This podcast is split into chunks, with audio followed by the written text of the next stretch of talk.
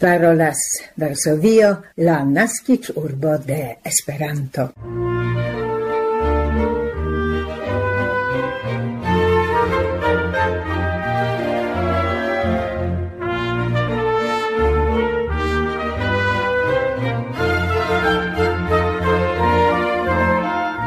Tre core salutas vin signoroi, Esperanto redakcio de la Pola Retradio el Varsovio. Barbara Pietrzak, Milada Szwedo, Pamela Krzypkowska, kaj Maciej Jaskot proponas en la mil ducent dudek kwarel sendo, la dudek kwinan de oktobro du mil dudek du, komence aktualażojne. Nea scienz bultena rubriko traktas antaŭ nelonge malkovritan novan funkcion en la homa cerbo. Hodiaŭ ni referencas al la aŭtunaj tagoj en Poznano, dum kiuj antaŭ nia mikrofono ni gastigis Anja Ferduzi el Indonezio. Komence bonvolu aŭskulti aktualaĵojn.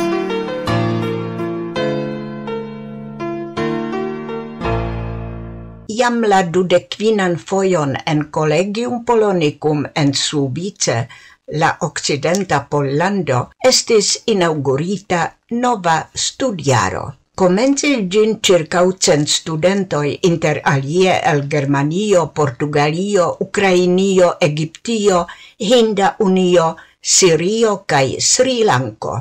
Collegium Polonicum estas comuna scienz didactica centro de Adam Mickiewicz Universitato en Poznano kaj de la Europa Universitato Viadrina en Frankfurto ce Odro. Gia ideo creigis en 1991 kaj comence limigis al lekcioj pri la pola-germana leĝaro. La unua studiaro estis inaugurita en 1998. Actuale en Collegium Polonicum studas circa 400 studentoi en sep facultatoi. La programo de Collegium Polonicum ligigas cun la stud directoi cae esplor programoi en la Pola cae la Germana universitatoi. La cefa celo de la comuna studcentro estas laboro favore alla scienza cae cultura cun laboro inter Pollando cae Germanio.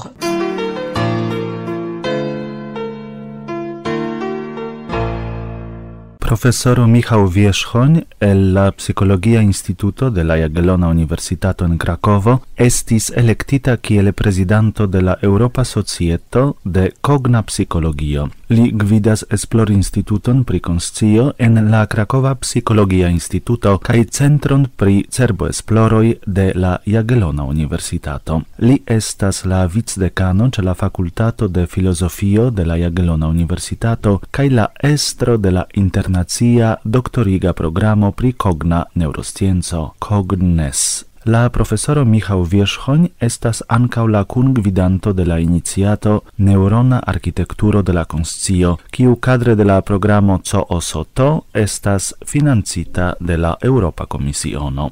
La Europa Societo de Cogna Psicologio membrigas prescau mil sciencistoin el Europo cae la mondo gi estis establita por popularigi esploroin pri la cogna psicologio cae pri la rilatai temoi. Cogna psicologio estas brancio de psicologio tractanta la temoin de homai cognai procesoi, tiain kiel exemple percepto, atento cae memoro, cae applicas diversain experimentain metodoin. La societo kunlaboras kaj kunordigas la inform interŝanĝon inter esploristoj el diversaj eŭropaj landoj. SOCOP eldonas ankaŭ la sciencan revuon Journal of Cognition.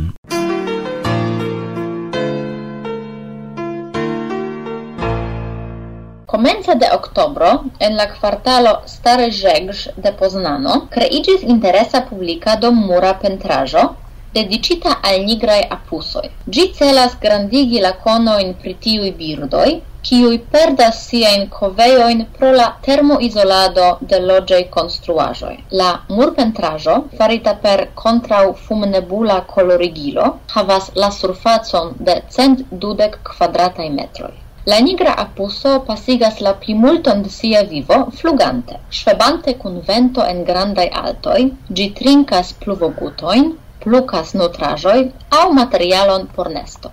Ofte oni erar taksas la apuson kiel hirundon. Bedaurinde la nigra apuso, iam tre populara, malaperas rapide. Causas tion construlaboroj, cefe ligitai kun la varmigado de exterai muroi de loĝdomoj, dum kiuj oni ŝtopas truojn, kiujn la birdoj uzas por la nestokreado kiel atentigas la Naturscienca Universitato de Poznano, aktuale la nigraj apusoj plej ofte nestas en urboj kai nur malmultaj uzas por tio malnovajn arbotrunkojn aŭ rokfendojn. La publika murpentraĵo en Poznano, dedicita al la nigra apuso, omaĝas samtempe la memoron de la loka socia aganto, aktivanta favore al la poznanaj birdoj, aparte apusoj, kiu autoris la programojn Birdoj en la urbo aŭ Fariĝu la urba naturamanto.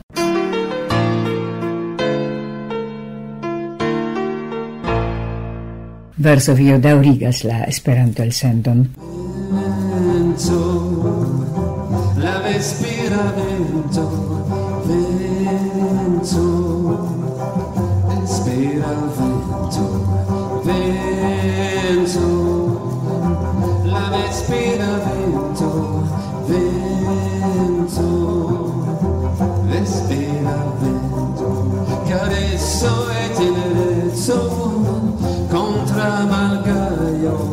flaras vin, mi sentas vin, Vanca mi estas for, aventunae folioi, En la varma venteto memorigas mi pri vi, Ciam comenzas provi vento, La vespira vento, vento, vespira vento,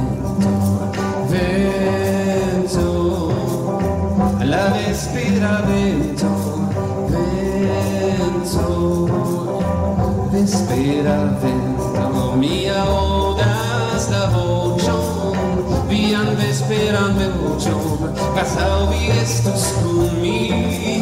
Ja mi estas en paco ci tiu tago estis dolcia kiel via auto mi fladas vin mi sentas vin pausa vivere.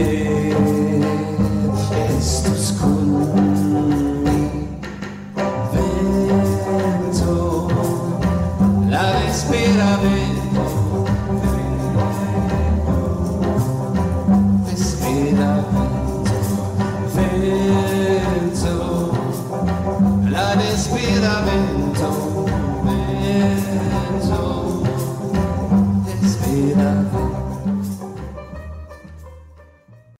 vespera vento cantis armel amio. Parolas Varsovio, la naskic urbo de Esperanto.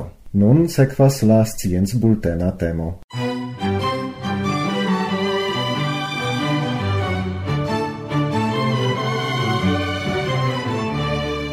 Same positivai, kiel anco negativai emociai spertoi, estas conservatae en nia memoro. Tio gravas por nia transdauro, char necessas memori pri dangerei situazioi por eviti ilin estonte. La gis anta unelongei esploroi provis che la slosilan rolon en tio ludas la cerbostrukturo definata latine corpus amygdaloideum, kiu ludas gravan rolon en aliferado de emocioi. Lastatempe estis malcovrite che ancau alia cerbostrukturo gravas por conservado de emocie spertoi. Temas pri cerebello au cerbeto, kiu laŭ sia aspekto similas al malgranda cerbo. Gia leso perturbas precisein movoin, equilibron, corposintenon cae lernadon de movoi, kiel case de biciclado. Do la cerebello certigas la cunordigadon cae precisecon de movoi. La pli novaj esploroj de profesoroj Dominik Dek Feveina kaj Andreas Vasotiropoulos el la Universitato en Basileo elmontris ĝian signifan rolon en la konservado de emociaj spertoj. En siaj esploroj kun 1410 partoprenantoj al la testatoj estis prezentitaj bildoj neutralaj kaj elvokantaj la emociojn. Samtempe helpe de la magneta resonanzo estis registrita la cerbo activezzo de la partoprenantoj. Lau sequei memor testoi, la bildoi kiuj elvocis positivain au negativain emocioin estis pli bone memorfiksitaj ol bildoi emocie neutralei. Oni constatis che conservado de bildoi emocie activingei ligidas cun l'activezzo cresco de cerbosferoi kiuj rolas en la memorfixado de emocioi. Tiu activido estis constatita ancau en cerebelo. Samtempe la sciencistoi pruvis, che gi komunikiĝas kun diversei cerbopartoi en la dauro de la procezo de intensa fixado de emociigaj bildoj. Ĝi ricevas signalojn el la cerboparto grava por la percepto che taxado de la emozioi che crome transendas signaloin kai al corpus amygdaloideum kai al hippocampo, che ludas senza rolon en la conservado de rememoroi. Kvankam fajnigo de memoro pri emociigaj situacioj estas ŝlosila por transdaŭro, kaze de tre negativaj spertoj povas kaŭzi revenantan timon. Lau esploristoi ilia malcovro povas havi signifon por kompreni psikajn statojn kiel post-traumata streĉa perturbo PDO-SODO. La nunaj laboroi en Basileo okazas cadre de la esplor-projekto kies celo estas pli bona compreno de emociei cae cognei procesoi cae applico de accurotei resultoi al proiectoi clinicai.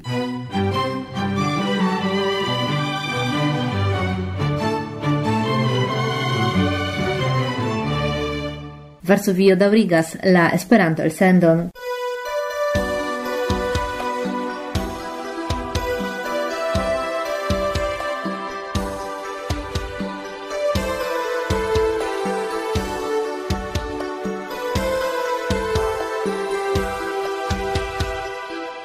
La plei proximan semain finon, la dudek okan dudek naŭan de oktobro, estas planita ce esta kaj samtempe virtuala amo seminario pri collectado kaj archivado de esperantaĵoj. Interesigiantai pri Zoom partopreno devas aliĝi al ĝi plej malfrue gis la 27 de oktobro. La alic adreso estas trovebla en la pagio de eventa servo. La ĉeforganizantoj de la evento estas Trieste Esperanto Socio kun Elf Arek, Esperanto Ligo Filatelista, amika rondo de filatelas kolektantoj. Sia spertoin pri la temo dividas prelegantoi el Austrio, Belgio, Brazilo, Cehio, Cinio, Italio, Kroatio kaj Svislando. Vendrede la dudek okan de oktobro Libushe Dvožakova el la klubo de amikoj de Esperanto en Svitavi parolos pri la loka Esperanto muzeo. Tiani Wang, la presidanto de IKEF, prelegos pri Cina stato de Esperantaĵoj. Roland Rotzert informos pri Esperanto-kolekto en Flandrio. Bernard Tuider prelegos pri arkivoj kaj arkivaĵoj en la Esperanto-muzeo kaj kolekto por planlingvoj de la Aŭstria biblioteko. La sabatan programon, la dudeknaŭan de oktobro, inauguros Kresimir kaj Maria Belosevic el Kroata Esperantista Unuiĝo per programero Nacia Biblioteko Zagreb.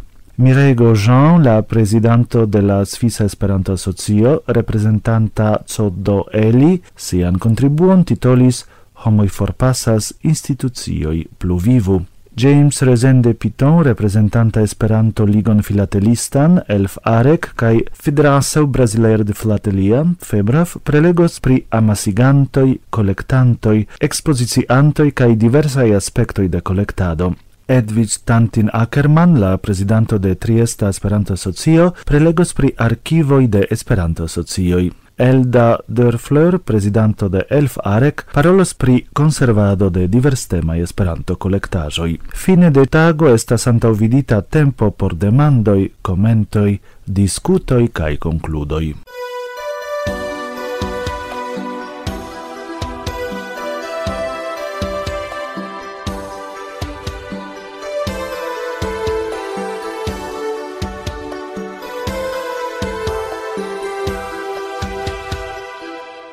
Parolas Esperanto Radio Varsovio.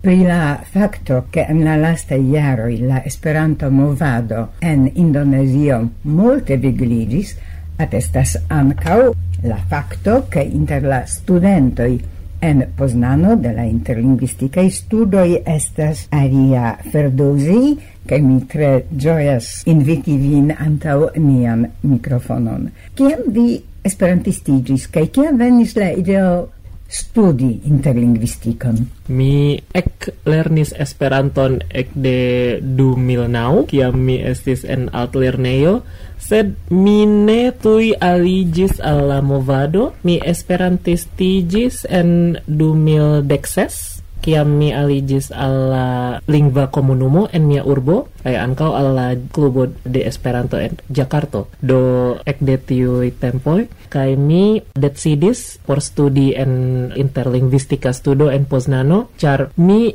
ege ŝatas lingvistikon. Pro mia bakalaŭro mi studis la francan, sed eh, mi malkovris ke lingvistiko estas ege bona fako por esplori. Kaj tio kondukis vin ĉi tien al Poznano. Yes. Ĉu vi jam antaŭe faris iujn esplorojn? esplorojn, esploretojn rilate interlingvistikon, lingvistikon? antaue ne, sed pri linguistico generale precipe pri la franca yes sed antaŭe pri interlinguistico mi just faris nun en Poznano kiel plaĉas al vi eh, ĉi tiuj studoj Ĉu vi estas la unuan fojon en Pollando, ĉu vi jam venis por la laŭvica sesio renkontiĝa ĉi tien?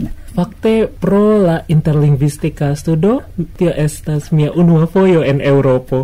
Do tio ege plaĉas al mi kaj la fakto ke la studo estas en Esperanto mi ege ĝojas. Do la studo ege plaĉas al mi.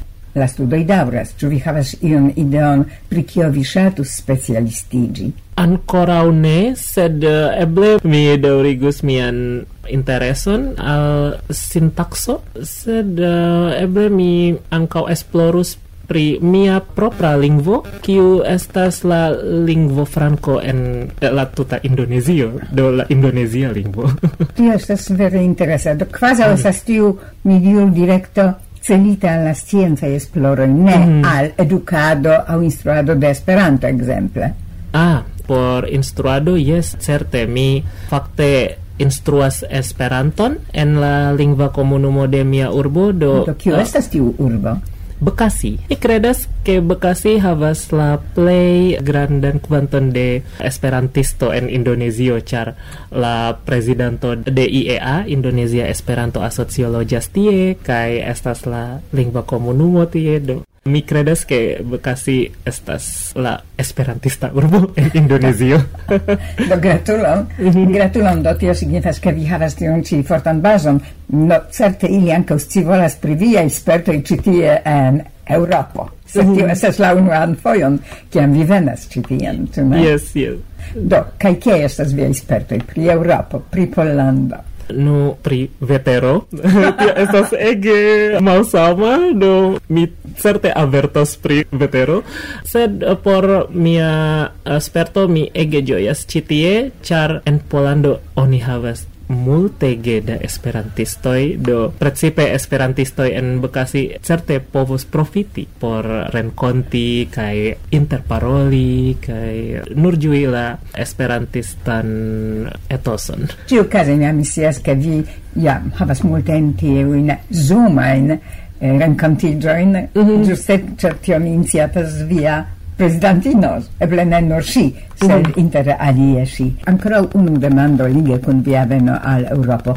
Ĉu vi tuj iras al la lando, ĉu vi ancora vizitos iun landon? Yes, ĉar mi jam faris tion longan vojaĝon de Indonezio, mi certe profitos. Mian viziton al Europo fakte post du horoi mi iros al Berlino kai mi tranoktos ce Esperantistino tie por eble kvar kvin tagoi kai poste Munkeno kai ankaŭ mi gastiĝos ce Esperantistino. Do esas Pollando, Germanio, aliei landoi dumene.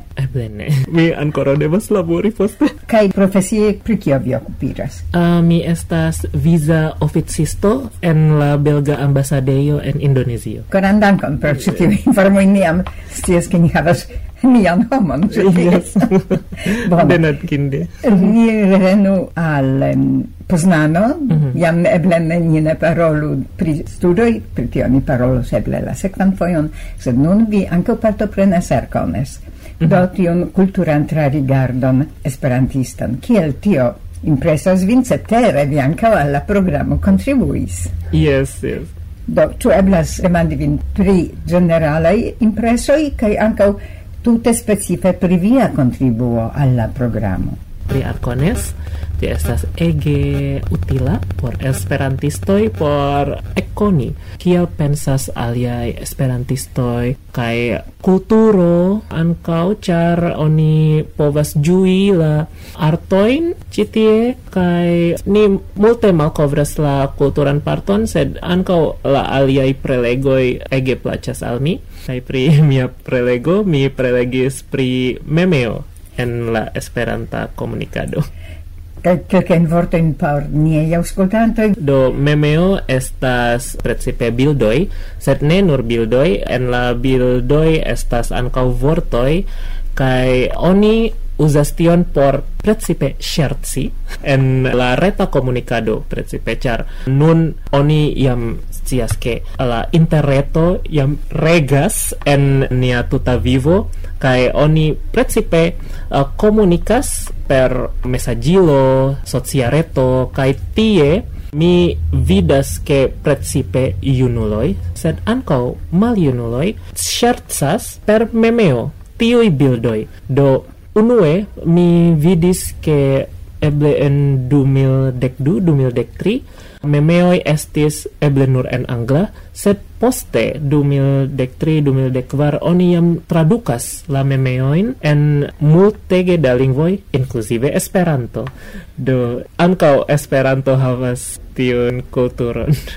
Vi diris ke e la partopreno, la rencontigio estas iu riciga elemento. Yes. Sed ĉu vi veninte la unuan foion citien trovis anca ion kion mi povus difini kiel kulturan baron? Mm. quasi io kiu malhelpas komuniki.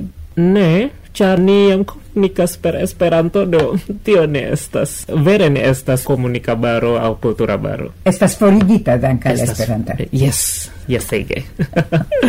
Dankon. Kaj kompreneble mi ŝatus demandi ĉu vi jam audis pri Esperanto radio, ĉu vi aŭskultas multajn radiostaciojn, ĉu vi ankaŭ eble inter ili vi aŭskultas ankaŭ kelkfoje niajn programojn? Mi honeste ne multe aŭskultas radio programon, sed por la Pola Red Radio mi kelkfoje aŭskultis, ĉar mi volas ankaŭ treni mian aŭskultkapablon en Esperanto, do tio ege helpas en la pola retradio. do, do pri tio mi scias, esas bone havi tiun ci confirmon.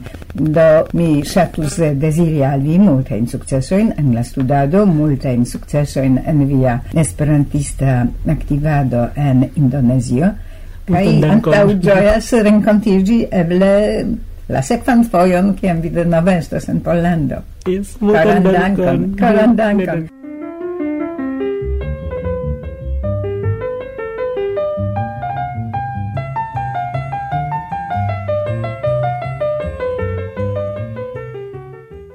Estas agrable, granda plezuro, gastigi antaŭ nia mikrofono la kunorganizantinon de la nunjara, arkones ne nur de la nunjara, de pluraj jaroj kun organizanto de arkonesoj, Ela Malik, kiel vi nun jare pritaxas la eventon, kiu evidentigis ege sukcese. Jest, estas sukceso. Saluto ingi karaj, estas sukceso, char ni decisis junie organizi tion. Ni timis fakte, ni ne sciis ču homoj venos, kiel ili eh, sentas sin, kio okazas en Esperantujo, ču iu bezonas eh, ankoraŭ jes arkones. Sed do mi diris che mia propra, ni diru, ideo estas doni al homoi okazon por rencontigi. Estas ege grave non tempe post tiu periodo de epidemio doni okazon por rencontigi. Ni ne faru ion grandan, ne, ni donu okazon por renkontiĝi. Do tial sufiĉe rapide en junio ni decidis, ni faru. Fakte dum somero ne tro multe da homoj aliĝis, do ni pensis ne eble tamen ne Sed poste fine de augusto, komence de septembro, aliĝis multe da homoj. Do, Arcones ni esperis, estos successo, kaj facte estos. Do ni parolis kun homo, jes, ciu gioias, simple gioias de de tiu ci rencontigio. Ankaŭ do prelegoi, contribuantoi, estas tiel belegai homoi kun granda scio Do. Estas sukceso kaj Arcones fin fin ancau estis rencontigeio. Kiel ciam. Kiel ciam. Do, ni facte parolas che corridoro estas pli grave ol nia sceneio de tempo al tempo, Do, ni estas esperantisto, ni, ni volas paroli, kontaktigi. Tio estas ĉefe grava, jes. Kaj kia estas estonteco de la evento? Jes, fakte ni ĉiam parolas pri tio. Do, certe ni organizos arkones en venonta jaro. Eble en jes, sekvontoj ankaŭ. Do, se vi ne venis ĉifoje post tiu longa pauzo, certe ni povas re-renkontiĝi venontjare. Certe jes.